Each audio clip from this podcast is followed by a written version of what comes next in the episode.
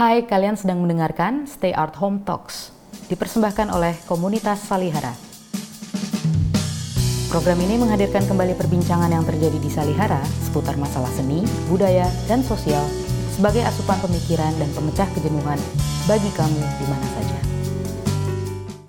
Selamat malam rekan-rekan. Ya. Uh, jadi menurut rekan-rekan lebih enak jadi rockstar atau jadi grupis jadinya?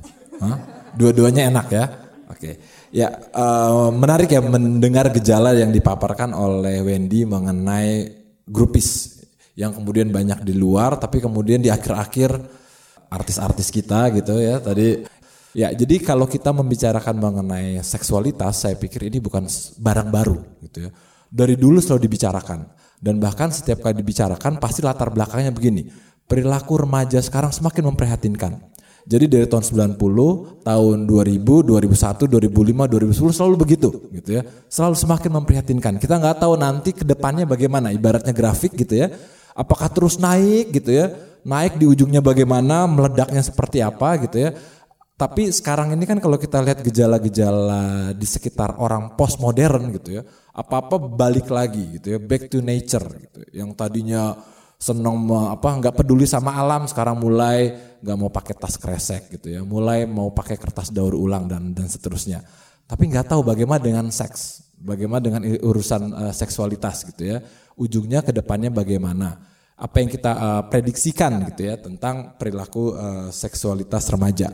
Tapi yang pasti yang menarik juga kalau bicara seksualitas misalnya kita kaitkan dengan prostitusi gitu ya. Dari zaman dahulu kala, dari zaman Yunani kuno, dari zaman nenek moyang kita, itu sesuatu hal yang sudah ada. Jadi bisa dikatakan uh, dia ini abadi sekali gejala-gejala uh, tentang hal ini. Demikian pula ketika kita membahas mengenai seksualitas. Karena pada dasarnya kita membahas mengenai tubuh kita. Nah, yang sering kali disempit artikan kalau kita bicara seks pasti bicaranya hubungan badan, ML gitu. Padahal ketika kita bicara seksualitas, kita membicarakan tentang tubuh kita. Nah, tentang ketika kita mau membicarakan tentang ketubuhannya kita, tentunya apalagi di Indonesia gitu ya. Ini ibaratnya maju kena mundur kena, maju mundur maju mundur gitu ya ketika kita membicarakan hal ini. Ketika kita bicara seksualitas, kita tidak bisa lepas dengan membahas mengenai persepsi, gitu ya. Ada begitu banyak persepsi, ada begitu banyak mitos-mitos, ada begitu banyak pemikiran, anggapan yang kita kembangkan mengenai seksualitas itu sendiri. Padahal objeknya kan sama ya. Objeknya itu ada tubuh kita. Kalau perempuan ada payudara, ada vagina, gitu ya. Kalau laki-laki ada penis dan lain sebagainya. Nah, tapi kemudian ya diinterpretasikan, dimaknai, dipahami dengan dengan sangat berbeda-beda. Nah, apa yang menyebabkan hal ini terjadi? Tentunya ada latar belakang latar belakang yang sifatnya sangat personal. Nah, tapi membahas tentang seksualitas ini saya akan mengawali dengan kita coba untuk mengenali remaja itu secara umum seperti apa. Ya. Saya yakin di semua di sini sudah lulus remaja, gitu ya, atau masih masih nggak pengen lulus lulus gitu ya, enak nggak mau naik kelas, jadi di, di remaja saja. Kalau diminta untuk mengenang masa mana yang paling indah dalam hidup kita? SMA, SMA itu remaja. Masa mana? SMP, ya SMP remaja. Jadi remaja ini kalau dikatakan eh, sepanjang kehidupan kita bisa dikatakan masa yang terlalu indah untuk dikenang gitu ya. Kadangkala juga terlalu pahit juga untuk dilupakan dengan sangat sulit untuk dilupakan karena ada begitu banyak apa jejak-jejak yang kita sudah uh, apa letakkan di situ gitu ya. Nah, itu yang menarik dari masa remaja. Tapi kalau kita lihat secara konteks secara umum gitu ya, remaja ini kelompok yang bisa dikatakan terpinggirkan. Kasihan ya. Misalnya begini. Kalau misalnya siapa di sini yang tertarik dalam isu kegiatan-kegiatan pengabdian masyarakat atau LSM misalnya. Kalau kegiatan LSM, remaja itu tidak dilihat sebagai kelompok rentan, kelompok beresiko tinggi yang budgetnya besar untuk program, gitu ya. Siapa yang dilihat uh, kelompok beresiko tinggi? Yang dilihat kelompok beresiko tinggi adalah pertama perempuan, ya. kedua anak-anak. Nah, remaja sendiri ya mungkin disamakan dengan anak-anak, tapi biasanya program-program untuk anak itu sama dengan dia berhenti di SD, gitu ya. Misalnya contoh konkret, program abis tsunami gitu ya, abis bencana atau abis konflik atau apa pun gitu ya, kebanyakan program-program untuk anak, anak tuh di mana? Mau di PAUD, di TK, di SD. Ya. SMP SMA ada tapi nggak banyak, sedikit sekali. Nah, Ini artinya kita lihat di sini masa remaja itu masa yang lagi-lagi terpinggirkan. Padahal kalau kita lihat di secara umum remaja ini bisa dikatakan memang teori psikologi mengatakan remaja itu sebagai masa yang penuh dengan badai, storm and stress gitu ya. Jadi memang banyak badainya, banyak anginnya, cobaannya banyak gitu ya. Jadi rasanya pengen Hah, segera selesai kan gitu ya. Atau kemudian kadangkala eh, ketika kita tadi kan, hah gitu kan ada kelegaan gitu ya. Nah bicara ekspresi remaja juga gitu kan, banyak tekanan di rumah, di sekolah, di mana-mana. Hanya adalah ketika dia ada di dunia yang berbeda dengan realitas uh, yang dihadapi sehari-hari. Misalnya ketika dia ada di konser-konser, misalnya gitu kan. Ketika dia ada di diskotik sekarang apa biasanya? Klub gitu ya. Ketika dia ada di uh, tongkrongan di belokan jalan misalnya gitu kan. Nah hal-hal uh, di situlah kemudian dia mereka mendapatkan hah gitu ya. Merasa kemudian mendapatkan suatu yang kelegaan.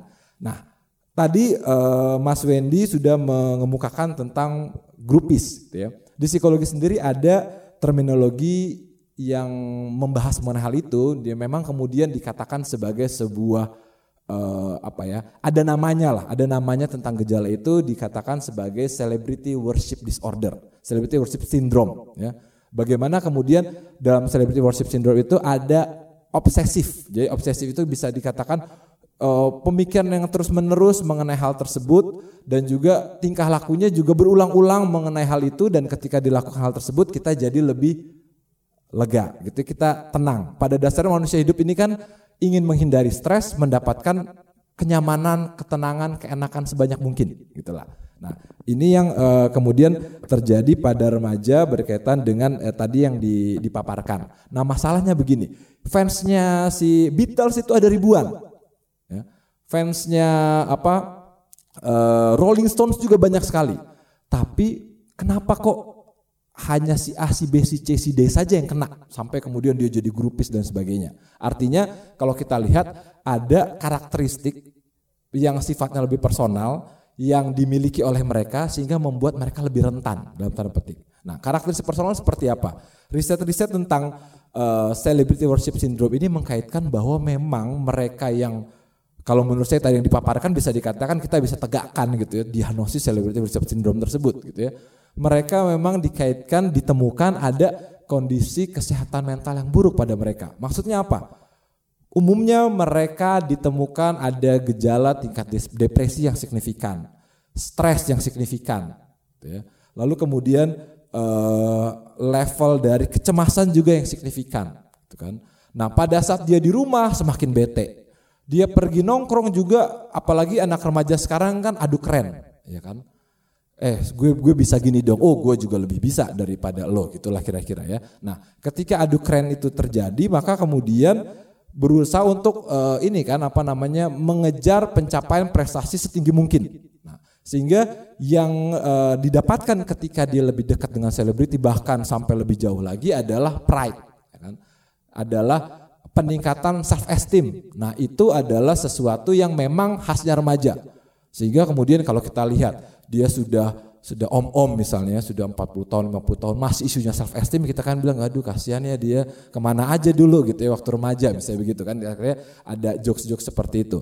Nah itulah kemudian yang terjadi pada para remaja. Jadi bisa dikatakan remaja mau di mana saja uh, saya pernah dapat kesempatan itu pergi ke daerah yang remote area di Sulawesi Tengah gitu ya ke sananya itu udah naik pesawat terus naik mobil lama terus naik lagi apa namanya kayak hardtop gitu ya Bagaimana remaja di sana? Jangan kita bayangkan remajanya pakai koteka gitu ya. Jangan kita bayangkan remajanya berpakaian cawat. Remajanya kalau kita lihat juga nggak ada bedanya dengan remaja-remaja di Jakarta yang kita ketemu di misalnya sekitar Pasar Minggu misalnya gitu ya. Atau di Pulau Gadung. Artinya ketika bicara tentang remaja mereka umumnya punya standar apa yang oke. Apa yang keren. Ini kan intinya masalah standar nih. Nah kemudian kita nanya, jadi yang keren tuh buat remaja apa sih?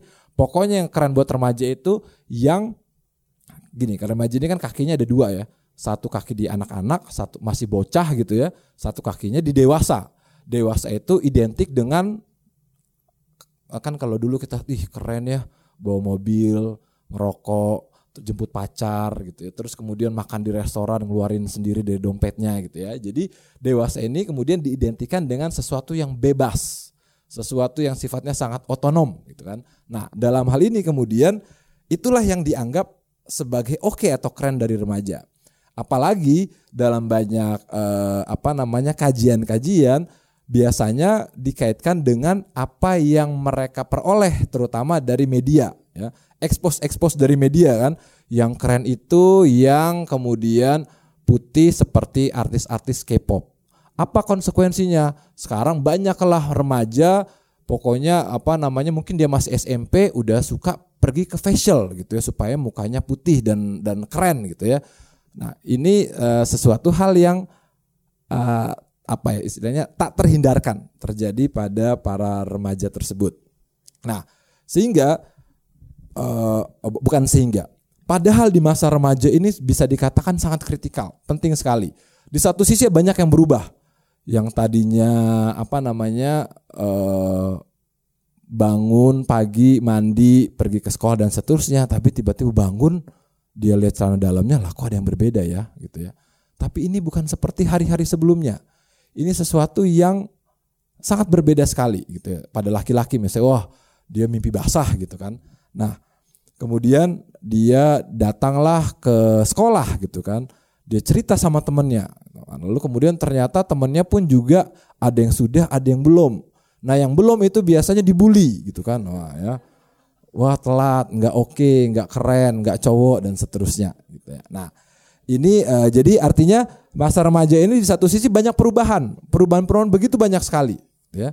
Nah di satu sisi lain mereka juga punya tugas karena di sini ada yang saya papar uh, teman-teman bisa baca sendiri tentang tugas perkembangan remaja. Tugas perkembangan remaja maksudnya begini. Jadi remaja yang oke ketika di akhir-akhir masa remaja di sini kan batasnya banyak ya.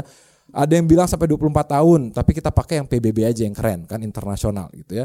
Ada uh, remaja itu 10 sampai 19, pemuda itu 15 sampai 24 tahun. Jadi di akhir 24 tahun tugas-tugas ini tercapai. Dia sudah bisa punya hubungan yang lebih matang dengan teman sebaya. Dia juga sudah bisa mengidentifikasikan dirinya saya ini anak apa. Saya ini anak band yang suka rock and roll, yang bacaannya ini, yang kalau ada waktu luang pergi nongkrongnya di sini, gitulah kira-kira. Nah, e, lalu kemudian saya juga sukanya laki-laki yang seperti ini dan seterusnya. Mereka punya peran sosial maskulin. Cowok itu begini, ah lu cemen banget sih bukan cowok banget gitu ya. Lu kok agresif banget sebagai perempuan? Nah itu kemudian mulai di, di diterima oleh mereka. Nah jadi remaja pada dasarnya nature-nya memang seperti itu gitu ya. Nah lalu kemudian kalau udah begitu jadi bagaimana dong? Jadi memang remaja ini kalau kita lihat rentanlah ada masalah-masalah yang berhubungan dengan hal-hal tersebut. Apalagi kalau faktor-faktor yang lainnya eh, apa namanya faktor-faktor yang lainnya mendukung. Faktor yang lainnya mendukung maksudnya bagaimana? Dari banyak hasil riset ini kan hubungan remaja dengan si uh, artis, hubungan remaja dengan si rockstar, hubungan remaja dengan temennya, hubungan remaja dengan gurunya yang keren, hubungan remaja dengan uh, guru agamanya yang wow gitu ya dan seterusnya. Ini kan bicara tentang yang namanya attachment, kualitas hubungan, kedekatan, kelekatan. Yang hal ini pertama kali dipelajarinya di mana? Dirasakan di mana? Dirasakannya di rumah, di keluarga. Jadi dalam banyak kasus masalah-masalah ini terjadi pada mereka yang nggak terbangun tuh yang namanya kelekatan dengan orang tua di rumah. Ini ini gejala yang betul-betul real. Saya saya juga sebagai seorang psikolog klinis yang juga apa praktek gitu ya. Kebanyakan kasus-kasus saya memang remaja dan pemuda. Pokoknya kasusnya mulai dari ada nih kalau bicara tentang seksualitas ada yang begini. Dia bisa dikatakan tidak bergairah, tidak memperoleh semangat hidup, ogah ngapa-ngapain kalau tidak ada aktivitas seksual setiap harinya.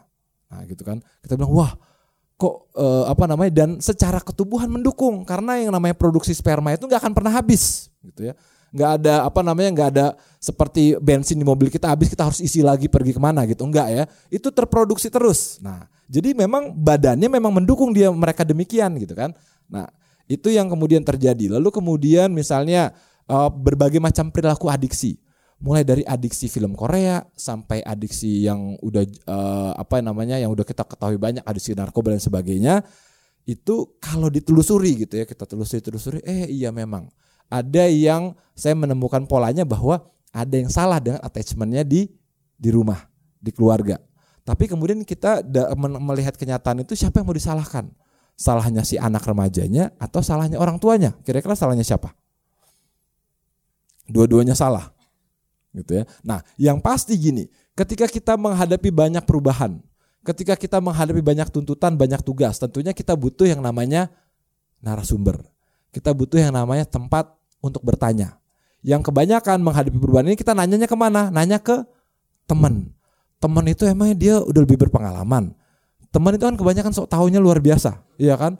Teman itu kan kebanyakan dia pokoknya uh sok jago lah, seolah-olah dia paling hebat padahal tuh omong kosong semua gitu lah kira-kira ya.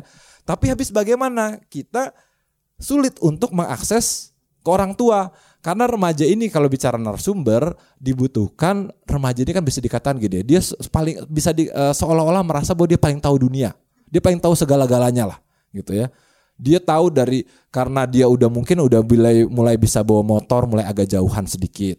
Bawa mobilnya udah bisa ke mana-mana gitu ya. Dia udah bisa mulai jago browsing browsing gitu ya. Jadi segala-galanya diketahui. Nah sehingga menghadapi remaja ini butuh orang-orang yang punya kualitas mendengar yang lebih banyak daripada yang berbicara. Punya butuh orang-orang yang juga ngelihat remaja ini narasumber karena kalau kita pikir sekarang gitu ya, kehidupan remaja sekarang kan bisa dikatakan kita juga banyak nggak tahunya, gitu kan? Kita dalam banyak hal kita banyak nggak tahu apa sih yang sebenarnya mereka uh, alami sekarang. Nah, apalagi ditambah lagi lingkungan sosial kita kan juga berubah ya. Dulu rasanya ya, dulu rasanya waktu remaja saya itu nggak punya ide yang namanya apa namanya. Uh, sekarang kan terang-terangan memanjangkan dan membesarkan alat vital Anda, hubungi bla bla bla. Bisa datang ke rumah, bisa gitu kan? Itu itu ada di pinggir-pinggir jalan gitu ya. Dulu nggak ada tuh hal seperti itu. Nah, ada pinggir jalan remaja mau pergi ke sekolah dia lihat. Dia pergi ke mall dia lihat gitu kan. Apalagi kemudian wah mulailah ada apa percakapan-percakapan juga mengenai kembali lagi standar apa yang oke okay, gitu kan. Ketika yang oke okay di pelajaran dia udah belajar keras kagak bisa gitu ya. Enggak nyambung-nyambung. Nilainya 6 terus. Belajar basket juga nggak masuk-masuk bolanya kering gitu ya. Belajar main gitar juga nggak jadi-jadi. Nah, jadi apa nih? Remaja butuh yang sesuatu untuk membuat mereka merasa diakui, gitu kan? Nah, ya udah adalah yang larinya ke situ deh. Nah, gitu kan. Larinya ke situ. Sehingga kemudian ada apa namanya? Ada yang saya pernah dengar remaja kontes lah, kontes. Pokoknya berhubungan dengan hal tersebut, gitu ya. Nah, ini sesuatu yang kemudian terjadi. Di lingkungan sosial juga demikian. Ada remaja lewat jalan nih itu apa sih? Kok ada tempat spa ya? Tapi kok gelap? Tapi banyak motornya, banyak mobilnya. Apa tuh ya? Nah itu kan mereka mulai uh, curious gitu kan. Rasa ingin tahu remaja sangat besar. Penasaran. Tanya ke bapaknya, diplototin pasti gitu kan. Jangan-jangan bapaknya juga, wah kok anak saya tahu, aduh kalau begitu besok saya nggak bisa lagi ke situ gitu ya. Misalnya begitu. Lalu kemudian nanyanya di mana? Nanya yang paling jago itu narasumber paling oke tuh simbah googling, ya kan? Dia tinggal tulis namanya, spa bla bla bla. Wow, keluarlah informasi gitu ya. Banyak forum-forum gitu kan. Sekarang tentang mau tahu apa pun ada gitu ya. Bahkan sekarang ini di apa namanya satu seorang mahasiswa cerita, Mas di Jakarta ini sekarang ada yang namanya apa saya nyebutnya bagaimana tapi mas seur apa pokoknya jadi massage untuk misalnya perempuan yang melakukan laki-laki misalnya. Atau laki-laki pun bisa juga yang melakukan laki-laki juga gitu kan. Ini sesuatu hal yang real. Bahkan kemudian katanya itu ada tuh uh, apa terang-terangan ini orangnya mukanya begini nih gitu kan. Mukanya begini nih ya. Kemudian barangnya juga seperti ini nih gitu ya. Dan itu diperhadapkan nih nomor teleponnya begini pin BB-nya begini Ya gitu kan. Nah hal-hal itu betul-betul sesuatu yang ada gitu. Dan buat remaja gampang. Remaja sekarang ini kan bisa dikatakan mereka uh, native technology generation. Jadi memang pada udah lahir aja gitu ya. Kalau kita lihat sekarang barang anak SD aja udah jago ber-BB. Orang tua bingung gitu uh, karena orang tua sibuk meeting dan sebagainya. Kasih aja anaknya iPad. Wah main lucu lah. Uh, seneng lah mereka. Jadi udah jago lah dalam hal penguasaan-penguasaan tersebut. Nah ini gejala. Ini sesuatu yang terjadi di sekitar kita. Lalu bagaimana? Nah, e, dari dulu kemudian nah, udah ini ya kira-kira tentang remajanya udah, seksualitasnya udah, dinamika seksual di remaja di di Jakarta terutama udah pokoknya intinya realitas yang hyper lah yang diperhadapkan pada mereka lebay semuanya gitu ya karena semakin lebay membuat mereka semakin galau gitu kan nah uh, juga misalnya begini ada seolah-olah kan ada ungkapan gini eh, 8 dari 10 perempuan di Indonesia remaja di Indonesia sudah pernah ML gitu loh.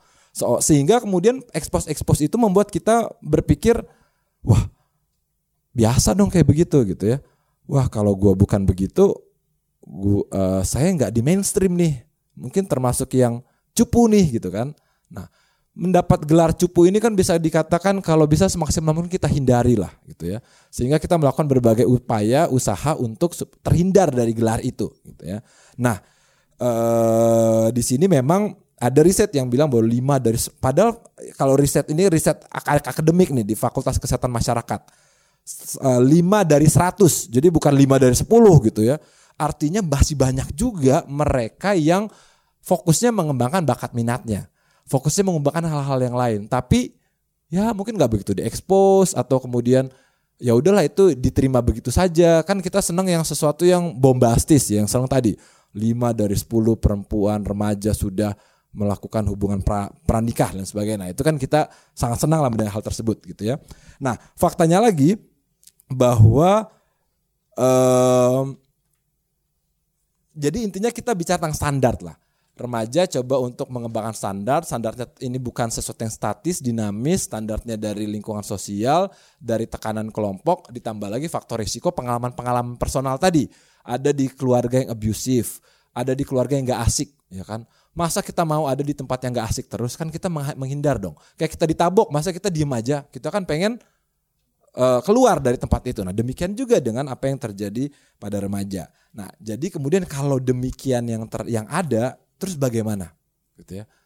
Nah, ini juga gampang-gampang susah gitu ya. Tadi yang pasti kita nggak bisa sepenuhnya menyalahkan mereka. Artinya para remaja pun yang melakukan juga adalah seorang korban, gitu ya. Remaja yang melakukan ini pada dasarnya mereka juga korban. Nah, kalau dengan demikian tadi yang saya katakan mereka butuh narasumber yang oke. Okay Lalu berikutnya kita perlu galakkan yang namanya peer counselor, peer support dan lain sebagainya. Karena remaja ini kan nggak suka ceritanya ke orang tua ya, orang dewasa. Mereka banyak ceritanya sama teman. Kita pun sebagai teman-teman perlu melakukan namanya deteksi dini. Jadi early warning system gitu kan. Bukan hanya di bencana aja, tapi di, di masalah ini juga nih bisa kok teman saya ini udah mulai berubah nih yang tadinya make uh, girly warna-warni sekarang hitam terus warnanya suram terus nah itu kan tanda-tanda yang artinya harus kita uh, lakukan sesuatu karena pendekatan yang sifatnya di komunitas itu yang lebih efektif dalam banyak hal gitu ya termasuk juga nah ini nih pendidikan seks nih nah pendidikan seks juga dari dulu juga udah saya nggak tahu siapakah di sini yang dulu waktu SD dapat pendidikan seks dua waktu SMP-nya dapat Iya, situ lagi nambah satu. SMA-nya dapat. Nah, yang lainnya kan gini, karena tidak mendapat pendidikan berarti kalian semua bodoh semua dalam urusan seks. Tapi nyatanya enggak kan? Nah, artinya belajarnya karena gurunya banyak di mana-mana gitu kan. Nah, eh, sekarang makin ke sini pendidikan seks mulai bergeser nih ke semakin sedini mungkin diberikan. Gitu. Karena faktanya menstruasi juga on mulainya itu juga semakin dini gitu ya. Mimpi basah juga mulainya juga semakin dini. Nah, karena atas dasar itulah dipikir oh ya kita mulai pendidikan seks dari awal-awal nih. Ya. Dikatakan bahwa pendidikan seks yang tepat, pendidikan mengajarkan laki-laki dan perempuan memahami dirinya. Ya. Jadi kita kena eh, mengenali dirinya dulu sebagai anggota jenis kelamin tertentu, juga lawan jenisnya, lengkap berbagai kekurangan kelebihan masing-masing, agar mereka memahami, menghargai kelebihan masing eh, dan membangun hubungan yang sehat satu sama lain. Nah, ini juga penting. Saat ini saya sedang melakukan semacam kajian tentang dating violence, kekerasan dalam pacaran. Ya, ini cukup memprihatinkan dan bahkan banyak saya juga nggak tahu ini salahnya di mana ya. Remaja sekarang pacaran itu udah kayak suami istri, ya kan? Padahal bisa uh, setuju nggak? Maksudnya pacaran tuh udah kayak suami istri tuh gini misalnya. Uh, kalau bisa dompetmu ada dompetku misalnya gitu ya. Ada yang udah mulai buat ya udahlah kita buat uh, rekening bareng mungkin gara-gara apa tabungan bersama gitu ya. Udah ada yang masih mahasiswa mungkin apa uh, ada apa namanya temennya klien saya bilang iya teman saya ini anak kuliah nih sudah mulai melihat-lihat apartemen gitu. Dia dia enak duitnya banyak gitu kan ya. Jadi udah mulai-mulai melihat apartemen apa yang bisa eh, ini. Jadi udah rasanya itu pacaran tuh udah kayak suami istri. Kau mau ke mana harus lapor gitu ya. Dua jam sekali harus pokoknya kalau nggak diangkat, nah ini udah ada apa-apa nih gitu kan ya. Kira-kira eh, demikian hal yang terjadi sehingga terjadinya kekerasan dalam pacaran. Mereka juga artinya perlu dia- diajak untuk melihat Ingat loh para remaja ada hukum yang berlaku di sini. Kita semua remaja ini dilindungi karena ada yang undang-undang pelindungan anak yang mengatur sampai dengan usia 18 tahun. Artinya kan kena-kena juga lah remaja-remaja itu ya. Nah, eh, dan kemudian berikutnya adalah apa yang dilakukan eh, jadi usaha-usaha tersebut pada akhirnya tujuan utamanya adalah pada dasarnya perubahan ini kita nggak bisa rem. Lingkungan sosial yang berubah dengan sangat cepat, kita sulit sulit untuk membuat rem. Kita buat tembok yang paling tinggi, banjirnya akan semakin kencang. Jadi bagaimana kita buat jalannya, kita buat salurannya, supaya air itu ngalir, nggak merobohkan rumah, nggak menghancurkan tembok. Jadi maksudnya bagaimana membuatkan salurannya itu, intinya adalah kita kalau menurut saya nih ya, kita kemudian mengajak eh, para remaja itu untuk lebih aware bahwa eh, remote control itu ada di tangan dia. Hidup tuh ibaratnya remote control, gitu kan. Ada banyak pilihan, eh, masing-masing bisa kemudian eh, kita pilih, ada konsekuensinya. Tapi ingat, rajanya tetap kita, gitu kan. Jangan rajanya adalah eh, yang mengendalikan kita itu adalah tadi hal-hal aktivitas-aktivitas seksual yang kemudian membuat kita jadi nggak bisa ngapa-ngapain kalau kita nggak berbuat seperti itu gitu ya. Nah, dan kemudian sebenarnya juga seksualitas itu kan sesuatu hal yang begitu menarik, begitu indah gitu ya. Dan kemudian di dalamnya ada energi. Nah, ada energi, kalau energi itu kan butuh disalurkan, ya kan? Dalam pandangan psikologi ada yang mengatakan begini misalnya, kok ada seseorang yang menari dengan sangat indahnya, dengan sangat anggunnya, itu juga adalah ekspresi seksual, gitu kan. Ada orang yang membuat puisi, jadi hal-hal yang berkaitan dengan seksualitas itu berkaitan insting hidup, gitu kan. Kita punya insting hidup sehingga kemudian kita aspek seksualitas kita itu tumbuh dan berkembang. Nah, kita harus punya medianya, sarananya sehingga kemudian hal-hal tersebut eh, bukan menjadi seolah-olah gini ya. Yang salah adalah seolah-olah seksualitas adalah 100% area kehidupan remaja. Padahal bukan, seksualitas itu mungkin paling banyak 25% lah. 25% itu area-area yang lain gitu kan. Kalau kita fokus ke area 25% itu bagaimana jadinya? Ini apa eh, tak terhin ya ini sesuatu yang klasik tak terhindarkan tapi mereka remaja itu perlu disiapkan. Terakhir saya mau menceritakan tentang pengalaman saya. Saya pernah dapat pengalaman pergi ke sebuah negara kan hari gini apalagi remaja, remaja kan mulai berpikir yang idealis gitu ya, apalagi misalnya mahasiswa. Ber- em, menjunjung tinggi hak asasi manusia. Setuju semua? Gitu ya, kita harus menjunjung tinggi hak asasi manusia. Saya pergi ke sebuah negara yang bisa dikatakan jadi acuan tentang hak asasi manusia. Negara kaya raya di Skandinavia gitu ya. Nah, di situ di di situ ada eh, yang dinamakan dengan youth clinic. Youth clinic itu disediakan oleh pemerintah, memberikan layanan gratis. Nah, saya datanglah masuk di situ. Apa yang layanan apa yang diberikan pada mereka? Mereka menyediakan ada corner-corner yang isinya kondom. Mau rasa apa, bentuk apa, jenis apa tersedia. Terus kemudian kondomnya pun bukan bukan bukan hanya laki-laki kan isunya hak asasi manusia kan. Perempuan juga perlu dong pakai kondom gitu kan. Ada juga apa kondom perempuan. Disediakan yang namanya lubricants di situ di clinic itu ya. Ada buku-buku kecil, buku-buku panduan tentang bagaimana menjadi remaja yang sehat. Panduannya bermacam-macam. Kalau preferensi saya sejenis dan saya perempuan ada gambar yang depannya perempuan sama perempuan gitu ya. Preferensi saya kan pokoknya hak asasi manusia lah gitu ya. Kan saya berhak dong untuk membuat hidup saya happy dan bermakna gitu lah kira-kira sesuai dengan pilihan saya. Kalau yang dia laki-laki sama laki-laki ada tuh. Nah, kalau yang apa heteroseksual juga ada. Di dalamnya ada eh, panduan tips praktis detail bagaimana nih ya kalau pacar kamu yang udah kayak begini tuh nggak itu nggak oke lah gitu ya. Nah, kalau tentang seksualnya seperti ini ya, langkah-langkahnya begini gitu ya. Waktu saya di situ saya langsung bisa dikatakan saya harus eh, mengatakan wow gitu kan ya. Membuat saya harus mengatakan wow gitu ya. Nah, eh, memang betul gitu ya. Lalu kemudian dalam pembahasan saya mengkritisi, saya membayangkan kalau misalnya saya nekat dalam tanda petik buat itu di Indonesia apa jadinya? Mungkin bukan hanya klinik saya itu hancur di bom, sayanya pun juga habis gitu ya. Tapi artinya memang bukan berarti oh ya kita kita pakai itu di, di sini, enggak. Ya kita harus memahami konteks eh, yang ada di lokal kita juga. Tapi faktanya dari situ adalah eh, perlu ada yang namanya suatu gerakan yang sifatnya sosial, no, membantu remaja menghadapi hal-hal seperti ini, gitu ya. Dan kemudian ya uh, ini ada suatu gejala. Jadi kalau kita tutupi, kita taruh di bawah meja terus gitu kan. Tadi kan Mas Wendy udah mulai mengangkat sesuatu di atas meja nih ya. Artinya ini memang terjadi gitu kan eksis. Nah sehingga itu oleh sebab itu harus disiapkan. Dan banyak orang yang juga bilang, wah nanti kalau hal ini dibuat semakin bebas lah orang-orang itu gitu ya. Semakin uh, angkanya itu semakin tinggi. Tapi dari berbagai meta analisis riset tentang pendidikan seks, tentang adanya klinik-klinik remaja seperti itu menunjukkan bahwa ternyata tidak demikian gitu ya. Kenapa tidak demikian? Karena dalam hal ini kemudian membuat mereka semakin menyadari akan yang namanya bertanggung jawab atas pilihan. Ketika ada begitu banyak pilihan-pilihan, mereka kan oke, okay, mulai apa mempertimbangkan konsekuensinya menyadari pilihan. Yang ada di kita kan gini ya, uh, segala sesuatu itu direpress, gak boleh, jangan begini. Nah dari bahasa banyak hasil riset ketika komunikasi dengan remaja nggak boleh, jangan, awas, hati-hati lo dan sebagainya semakin besar kecenderungan dia melakukan. Gitulah kira-kira. Ya kan penasaran ya, eh jangan ke situ lo itu, wah nggak bener lah.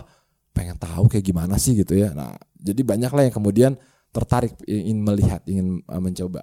Mungkin ini sekedar gambaran tentang psikologi remaja. Saya yakin banyak hal yang sudah diketahui dari dari remaja itu sendiri karena kita alumni di situ atau masih di, masih belum naik-naik kelas di situ. Tapi demikianlah remaja yang begitu menarik untuk dilewatkan.